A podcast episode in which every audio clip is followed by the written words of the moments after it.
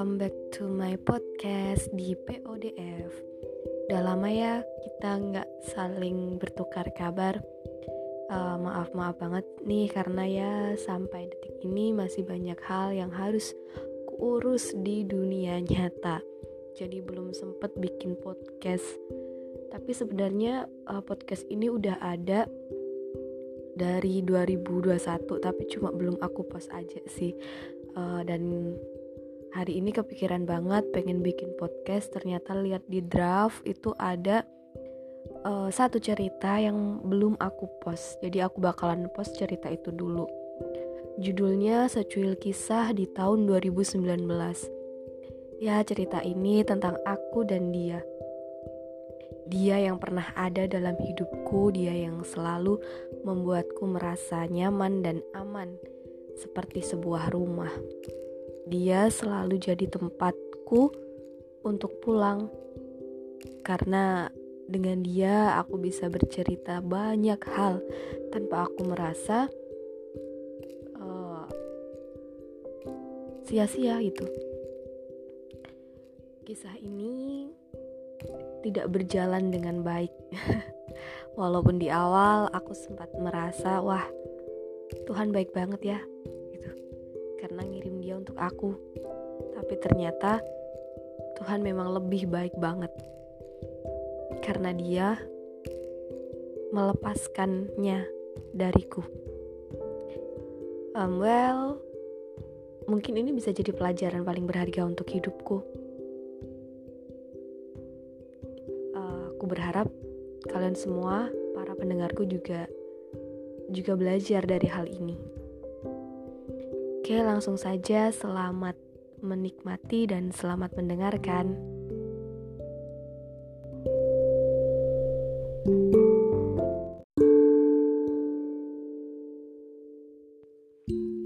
Cerita ini bermula dari ketika aku dan dia pertama kali masuk kuliah. Kita bertemu karena kita satu kelompok hmm, PBAK uh, gak pernah nyangka sih kalau pada akhirnya kita juga menjadi teman satu kelas. Karena kan itu dicampur ya dari beberapa fak eh dari beberapa jurusan eh, di satu fakultas yang sama. Nah itu dicampur dari beberapa jurusan dan ternyata aku satu jurusan sama dia dan juga satu kelas sama dia. Awalnya nggak pernah nyangka bisa kenal dan awalnya aku juga nggak pernah minta untuk kenal gitu kan.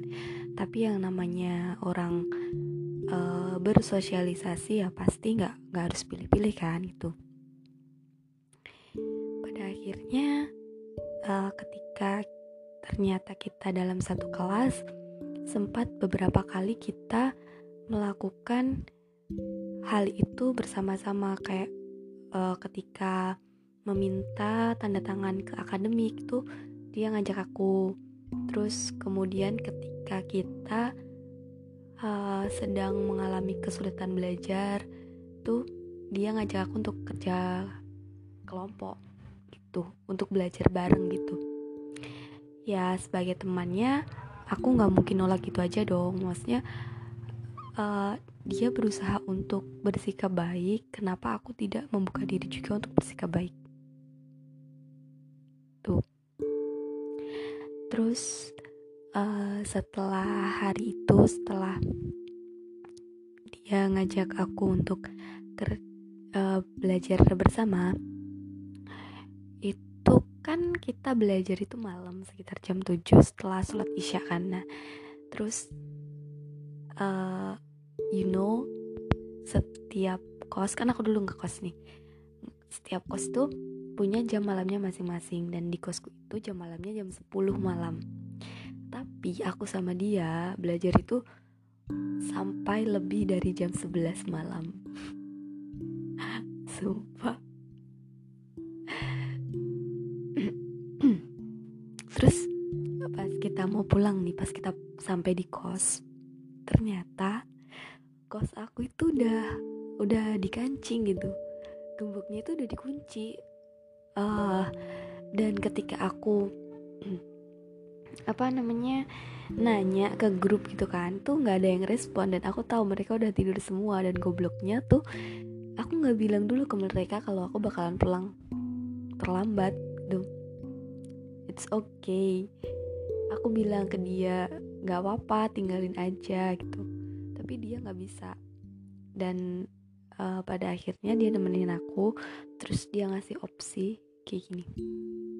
Yang pertama dia nyuruh aku untuk tidur di kos uh, kakaknya. Karena kan kakaknya punya kos-kosan gitu di di dekat kampus. Bukan kampusku sih kampus yang ada di daerah Solo juga gitu terus kemudian yang kedua eh bentar.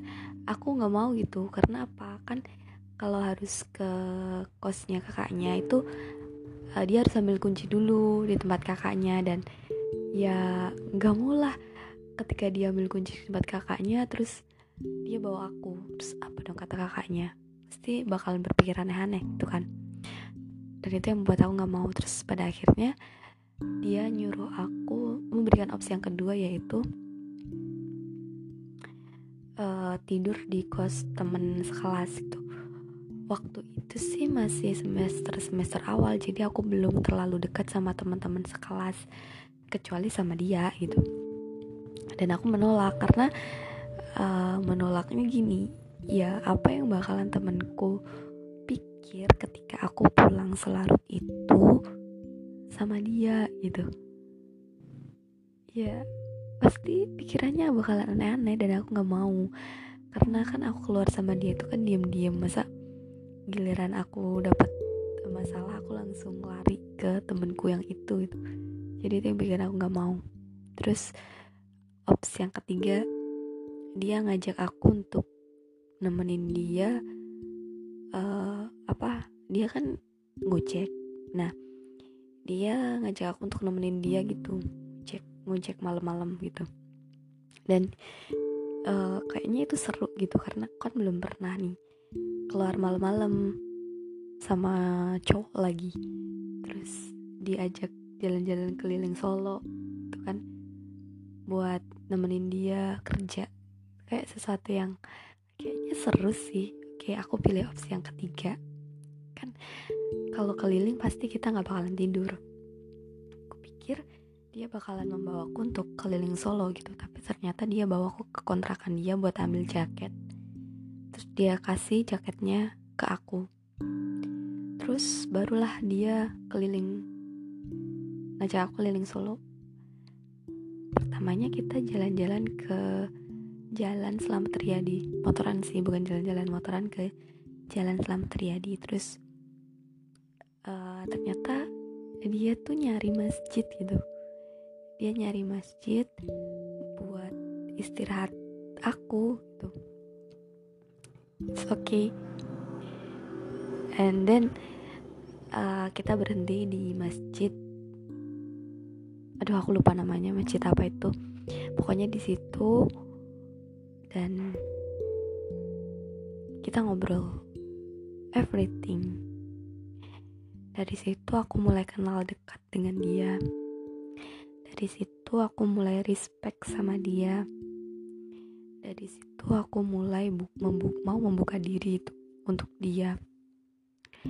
Karena uh, aku tuh susah susah untuk membuka diri sama orang lain kalau kalau aku belum tahu bentuknya. Sampai kan aku ngantuk nih ngantuk karena udah larut banget itu. Dan aku tidur di situ. Tidur dalam keadaan duduk. Terus ya kan tidur tapi belum belum belum terlalu pulas gitu ya. Aku masih bisa merasakan aura sekitar dinginnya malam. Terus uh, suara lalu lalang kendaraan itu aku masih bisa denger. Karena kita emang persis berada di depan masjid. Karena nggak bisa masuk masjidnya masjidnya tuh udah dikunci jadi kita cuma bisa duduk di emperan ngeliatin jalanan. Tuh. Terus tiba-tiba nih ya tiba-tiba kan aku merem nih merem tidur. Uh, aku ngeletakin kepalaku itu di atas apa namanya lututku gitu kan. Terus uh, tiba-tiba dia ngasih jaketnya itu ke aku padahal aku udah pakai jaket gitu uh, dia dia ngasih jaket yang dia pakai tadi tuh ke aku tuh. Dia selimutin ke badan aku dan itu kayak wow gila nih cowok gila gitu. Ya mungkin bagi sebagian orang hal itu ya kayak hal yang biasa. Tapi karena aku lagi pertama kali dapet dapet perhatian kayak gitu ya kayak uh, apa ya sesuatu yang sangat menyentuh hati gitu. Karena aku cuma bisa lihat itu di TV dan sekarang aku ngerasain langsung. Jadi kayak kayak wah oh, ternyata gini ya rasanya diginiin sama seseorang itu oke. Okay. terus uh, kan aku bangun agak bangun. Ya udah aku aku benerin kan jaketnya. Terus dia bilang turu rapopo uh, aku tak melek gitu. Itu sesuatu yang wow wow banget bagiku sih. Terus sampai pagi hari sekitar subuh subuh itu uh, barulah kita sholat di masjid itu berjamaah gitu. Terus setelah itu kita balik ke kos. Karena kan itu masih jam 5 kan. Dan aku tahu kosku itu jam 5 belum buka. Biasanya buka itu jam jam 6 kalau nggak jam 7 and then yaudah. Akhirnya kita jalan-jalan aja di di sepanjang jalan Selamat Riyadi dan juga di sepanjang jalan kos aku. Sampai kita tuh muterin sawah itu sampai dua kali kalau nggak tiga kali. Terus dia tuh selalu lewat jalur yang berbeda-beda. Untuk ngulur waktu. Bukan ngulur waktu sih untuk apa ya biar waktunya tuh pas. Kalau nanti aku sampai di kos itu pintu gerbang terbuka gitu. Nah lucunya lagi aku tuh uh, minta dia untuk nurunin aku jauh dari kosku. Kenapa? Karena di depan kos aku itu ada ibu-ibu jualan gitu kan. Terus aku mikir kalau aku turun di depan sana nanti apa pikiran ibu-ibu itu? Ngeliat aku pulang pagi-pagi diantar cowok lagi. Oh my god kayak aduh itu bakalan merusak citra seorang perempuan gitu. Terus yaudah itu uh, apa ya pengalaman pertamaku dekat sama dia. Terus dari situ kita semakin dekat karena ternyata kita satu kelompok dalam drama. Jadi ada ada satu makul yang mengharuskan kita itu membuat drama karena kelompok sama dia. Terus terus setelah itu hmm, kita dekat kita sering makan bareng kita sering nggak sering sih. Ya palingan keluar itu buat makan aja sih. Aku pernah uh, bilang kan ke dia aku gabut. Tau gak malam harinya tuh langsung diajak keluar makan sama dia. Itu sesuatu yang oh, oh wow sih bagiku. Karena emang aku belum pernah gitu mendapatkan lakukan kayak gitu. Apalagi dari dia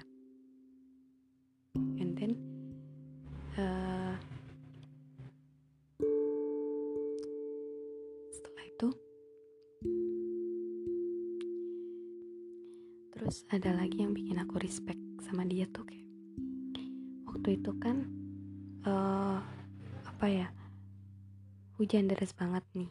Aku posisi baru perjalanan ke Klaten buat ngeles. Nah terus tiba-tiba aku tuh hampir kejatuhan pohon. Tapi itu pohon itu udah udah menyambar motorku. Jadi motorku udah kena. Terus aku hampir jatuh tapi untung aku masih bisa mengendalikan itu kan. Posisi hujan deras banget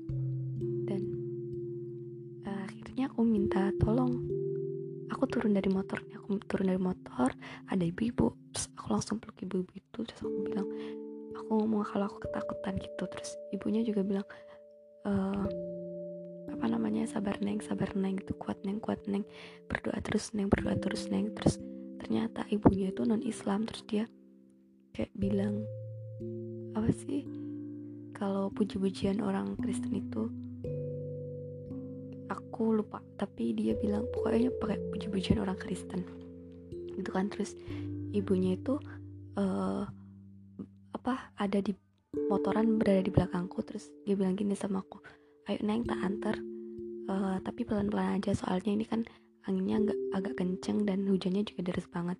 Soalnya posisi waktu itu ya emang sih aku pakai mantel. Cuman kan uh, tetap aja gitu. Mantel pun nggak nggak bisa menahan air hujan itu karena emang sampai masuk airnya tuh masuk ke dalam baju aku. Jadi kayak ibunya kasihan gitu ngeliat aku udah ketakutan dan kedinginan. Terus dia bilang ke aku yaudah neng ayo antar pelan-pelan ke toko terus uh, nanti neng istirahat di sana. Yaudah akhirnya aku ke toko pelan-pelan tuh kan. Sampai di toko aku aku duduk terus aku ngehubungin dia. Aku bilang ke dia kalau aku habis kejatuhan pohon hampir hampir kejatuhan pohon. Dan aku nangis karena aku emang bener-bener ketakutan kan. Aku minta dia buat datang jemput aku. Dan awalnya dia nolak. Terus kayaknya dia kasihan kali ya sama aku. Terus akhirnya dia mau itu dari Klaten. Dari Klaten eh dari Klaten. Dari Kartosuro ke Klaten hanya untuk jemput aku. And then kan kita sama-sama bawa motor sendiri-sendiri nih terus eh, aku bilang ke dia kalau ada temanku di yang rumahnya deket sini. Teman dia juga teman satu kelompok PBAK aku tahu rumahnya terus akhirnya aku aku nitip motorku di sana dan pulangnya aku sama dia. Kan emang tanganku udah bener-bener lemes nggak bisa buat uh, apa namanya motoran jauh gitu. Terus akhirnya kita nggak langsung pulang tapi kita makan dulu. Di ayam kiton.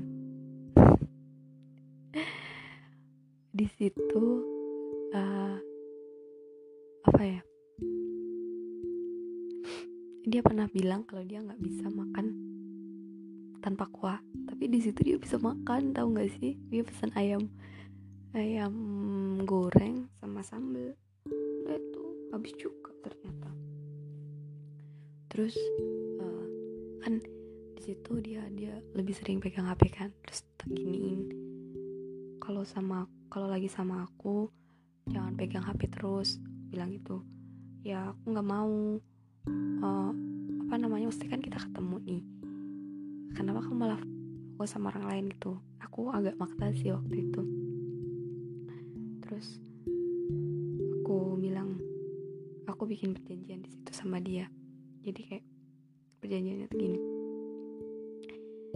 kalau kita lagi ketemu kita nggak boleh pegang HP terus dia minta itu minta apa namanya balasan kayak uh, ya wes nek misal dia bodoh-bodoh ngelanggar oh ya gini gini nggak bukan gitu. Kan aku minta kalau lagi temu jangan pegang HP terus dia juga minta uh, aku nggak boleh pegang HP dia balesin chat orang lain lihat chat dia terus balesin chat orang lain tuh nggak boleh.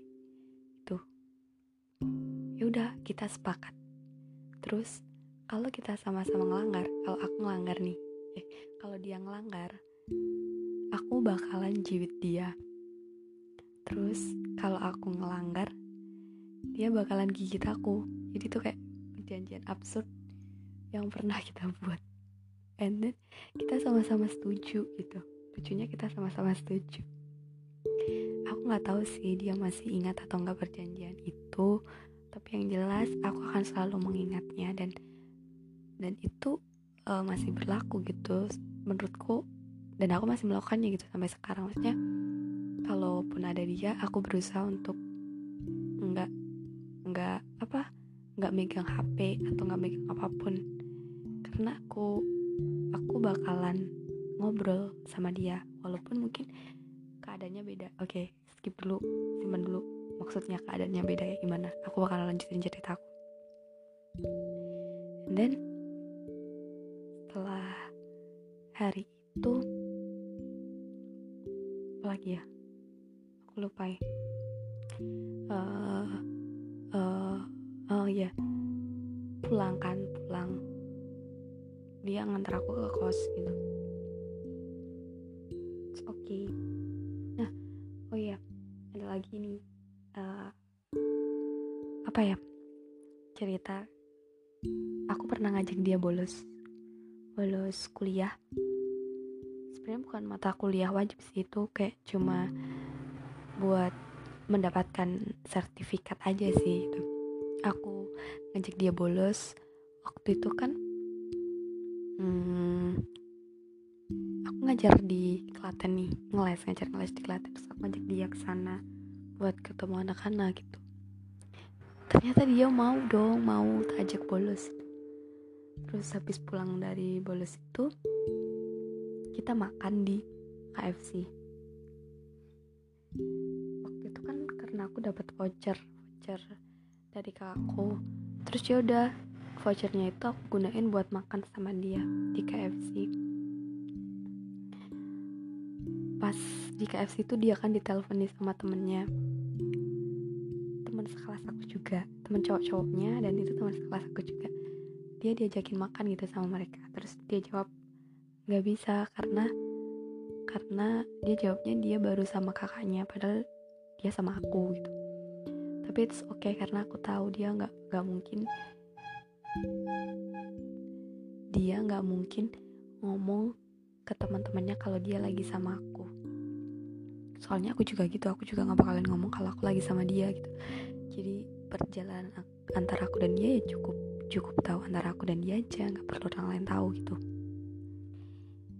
Setelah itu kan kita pulang pulang ke kosku. Aku kasih dia itu susu cimori susu dari Cimori soalnya aku lihat tuh dia suka susu segar kan makanya aku beliin dia susu segar. Langsung dari Cimori waktu itu kan aku habis jalan-jalan sekampung. Gitu ke Cimori jadi aku beliin dia itu. Di akhir dia bilang gini e, kalau kamu mau ke mana pun pakai motor aku aja. And then kata-kata itulah yang bikin aku kayak wah berarti aku udah punya orang yang bisa aku andelin dalam keadaan apa pun. Gitu maksudnya ini dia bilang kan kalau mau ke mana pun pakai motorku aja gak apa-apa. Ya jadi selama aku pergi selama aku akan pergi ke mana pun itu uh, ya aku aku minta sama dia. Aku ngomong sama dia buat nganterin aku karena karena dia udah menawarkan. Karena dia udah menawarkan itu ke aku. Jadi ya ya nggak apa-apa dong kalau kalau misal setiap aku mau pergi aku selalu bilang ke dia gitu. Dan dia siap gitu buat nganterin aku. Makanya dari situ aku mulai kayak ini orang baik banget ya gitu ada ada sedikit feel gitu antara aku dia. Tapi gobloknya aku tuh aku nggak bisa kontrol. Aku nggak bisa kontrol perasaan ini sampai akhirnya membuncah dan dan ada semacam keinginan untuk kayaknya nggak bisa nih kalau kita temenan terus ada semacam keinginan untuk tahu uh, apa sih yang sebenarnya dia rasain ke aku. Ada semacam keinginan untuk untuk apa ya aku butuh kejelasan antara aku dan dia. One day aku pernah bilang ke dia uh, dia kan pernah pernah bilang ke aku katanya mau ke Jakarta kan? Dan dan itu sama temanku. Temanku sekos tuh dan apa namanya? Hmm. dia bilang sama aku kalau dia bakalan ke Jakarta dan itu sama temanku satu kos. Teman lama sih teman lama satu kos. Tapi aku dengar itu bukan dari dia langsung melainkan dari temanku itu. Tuh kan kayak why kenapa kamu bohong sama aku? Ya emang sih.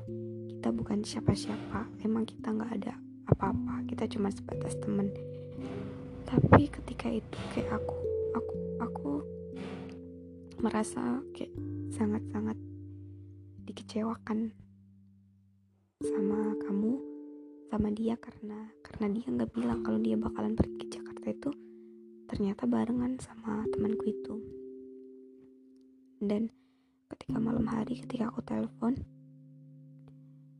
dia bilang dia lagi di rumah nggak ke mana-mana. Terus tapi aku tahu jadwal itu tuh jadwal keberangkatan dia ke Jakarta naik bis. Ya aku tetap tanya-tanya lah. Tetap aku desak kenapa dia bisa bohong? Kenapa kamu gak jujur sama aku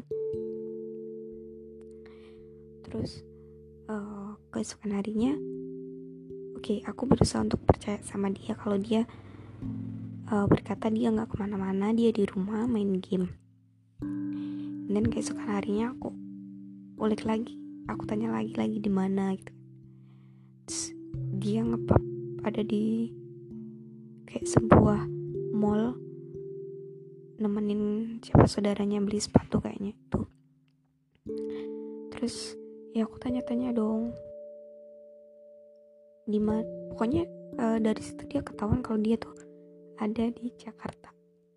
And then aku ungkit lagi masalah sebelumnya. Aku bilang berarti bener kan kemarin kamu perjalanan ke Jakarta? Terus dia bilang ya ya emang apa yang aku lakukan harus kamu tahu gitu kan apa yang eh, semua yang aku lakukan emang harus kamu tahu gitu kan. Terus aku bilang ya kenapa? Dia tanya kenapa?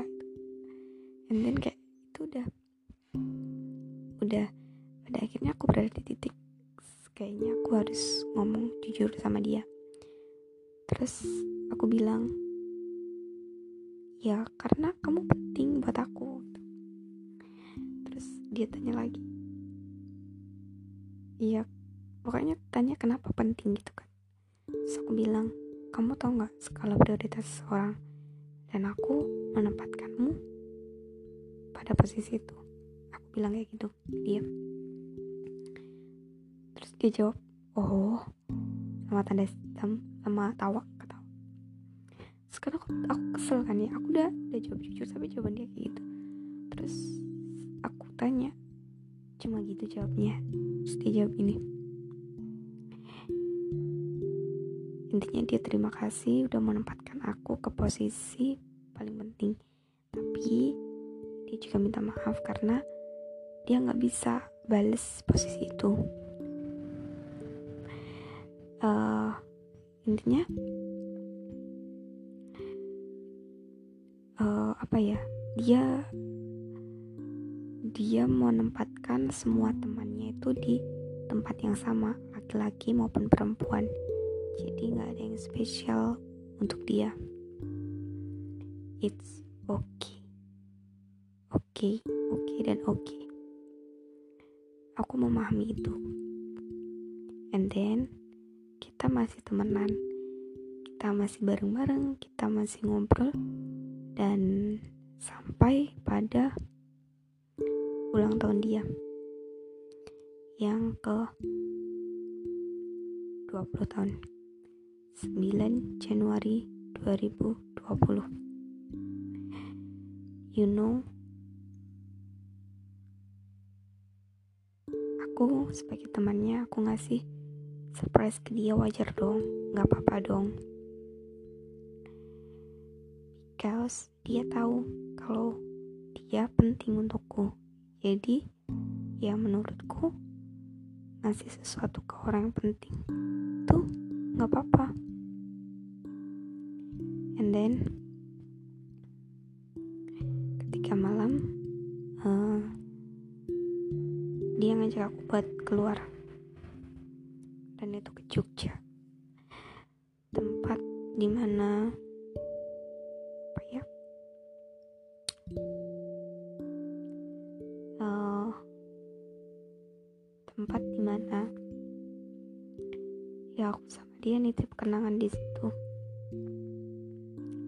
aku ngasih dia sesuatu yaitu gelang yang nggak tahu gelangnya ada di mana sekarang.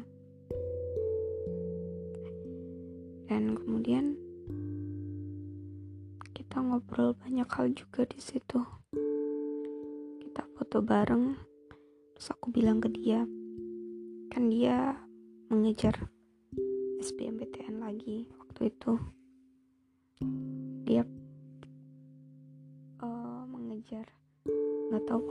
tempatnya di Jogja. Terus aku ngomong sama dia kayak gini kalau nanti kamu pindah Jogja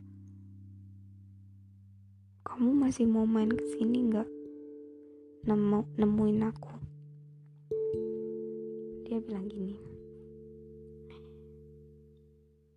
kalau itu hal yang penting bakalan datang.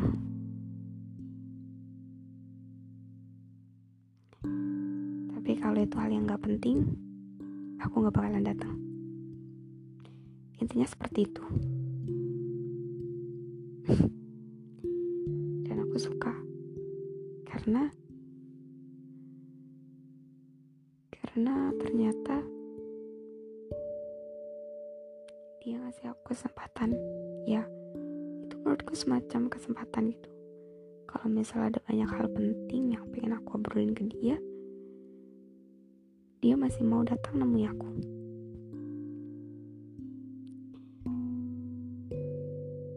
Dan oke okay, pas kita pulang ternyata hujan deras. Udah kita mampir sebentar di situ dan di situ ada konflik kecil antara aku dan dia yang pada akhirnya ngebuat aku menjauh dari dia. Yang membuat aku kecewa sama dia. Yang mengubah pandanganku 180 derajat ke dia.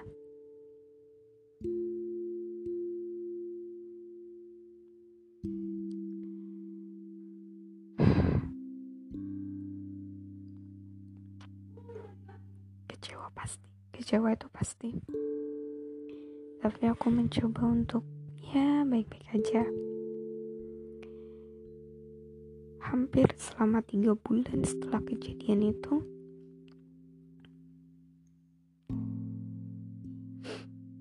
aku nggak mencoba untuk menghubungi dia nggak coba kontak dia nggak coba membuka komunikasi lagi sama dia.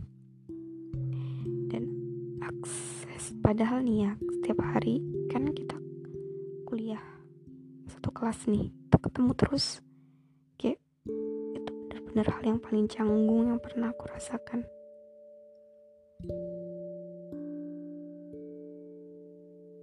Tapi ya, gimana dong?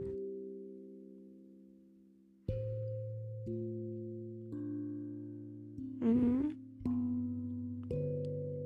sampai pada akhirnya aku mencoba untuk membuka diri lagi memaafkan kesalahan dia dan aku juga minta maaf karena kesalahan ini bukan hanya dia yang salah tapi aku juga ada salah. Kalau aku tidak mau untuk diajak dia pergi mungkin tidak akan terjadi sesuatu itu. Dan oke okay, pada akhirnya aku dan dia memilih untuk mencoba memperbaiki hubungan ini baik-baik. Butuh waktu satu tahun untuk untuk menjadi apa ya bener-bener kayak kayak nggak ada apa-apa gitu.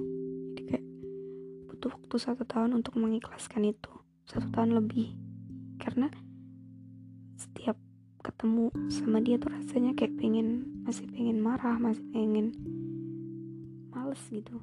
Tapi kayak setelah itu kan corona jadi kita nggak ada waktu buat ketemu. Dan ketemu itu ya cuma beberapa kali gitu. Itu pun karena nggak sengaja. Tuh. Terus kemarin di uh, kemarin akhir semester 4 kemarin kan kita ngadain makrab ke Tawang Mangu di situ kita diwajibkan buat tatap muka lagi kan ya. It's okay aku udah merasa aku nggak apa-apa. Dia juga udah merasa dia nggak apa-apa jadi kita enak aja ngobrol tuh. Hmm. Pertamanya kita masih kayak ada canggung tapi kayak kita mencoba untuk menutup itu. Sampai ketika waktu pulang ya udah. Aku merasakan asar yang dulu yang dulu aku kenal. Oh asar yang apa ya? Kok aku sebut nama sih aku merasakan dia yang dulu.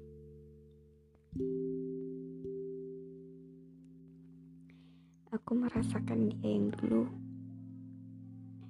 Dia yang apa ya yang bikin aku semakin jatuh cinta sama dia. Dan aku baru menyadari bahwa perasaan itu ternyata masih ada dan belum hilang sekeras apa pun aku berusaha untuk menghapus perasaan itu.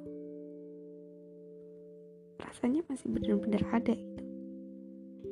Tapi aku sadar aku tidak boleh egois lagi.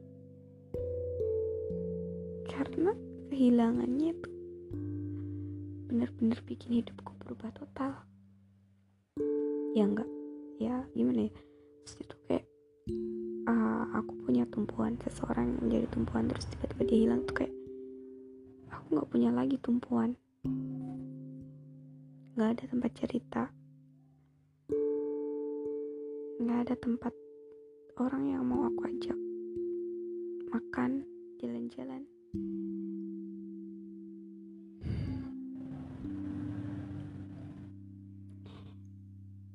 makanya walaupun perasaan ini masih ada tapi aku berusaha sekeras mungkin untuk menghilangkannya.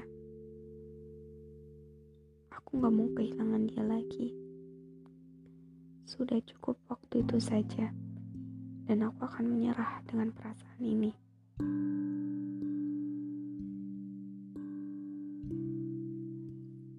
Biar biar aku bisa tetap sama-sama sama dia. Biar aku bisa tetap ngeliat senyumnya. Biar aku bisa tetap bikin dia merasa nyaman dengan aku sebagai seorang teman. Karena ketika dia tahu kalau aku masih suka sama dia aku yakin perlahan-lahan dia akan menjauh lagi. Dan aku gak mau. Aku gak mau kehilangannya ya jadi lebih baik aku meredam perasaan ini. Daripada aku harus mendendam dengan egoku sendiri dan pada akhirnya itu akan merusak semuanya. Guys aku tahu uh, apa ya? Dua orang laki-laki dan perempuan yang bersahabat bullshit kalau salah satunya nggak ada yang jatuh cinta. Oke, okay. nggak ada perasaan maksudku. Karena aku yakin di antara dua orang ini pasti ada satu yang menyimpan feeling. Kalaupun nggak kelihatan, berarti di antara mereka pintar menyembunyikannya. Saranku, aku bukannya mau menyarankan, cuman dari pengalamanku, kalau memang keduanya sama-sama bisa saling menerima it's okay lanjutkan. Tapi kalau memang gak ada peluang sama sekali lebih baik redam perasaan itu. Karena perasaan itu akan membunuh satu sama lain. Karena itu yang aku rasakan. So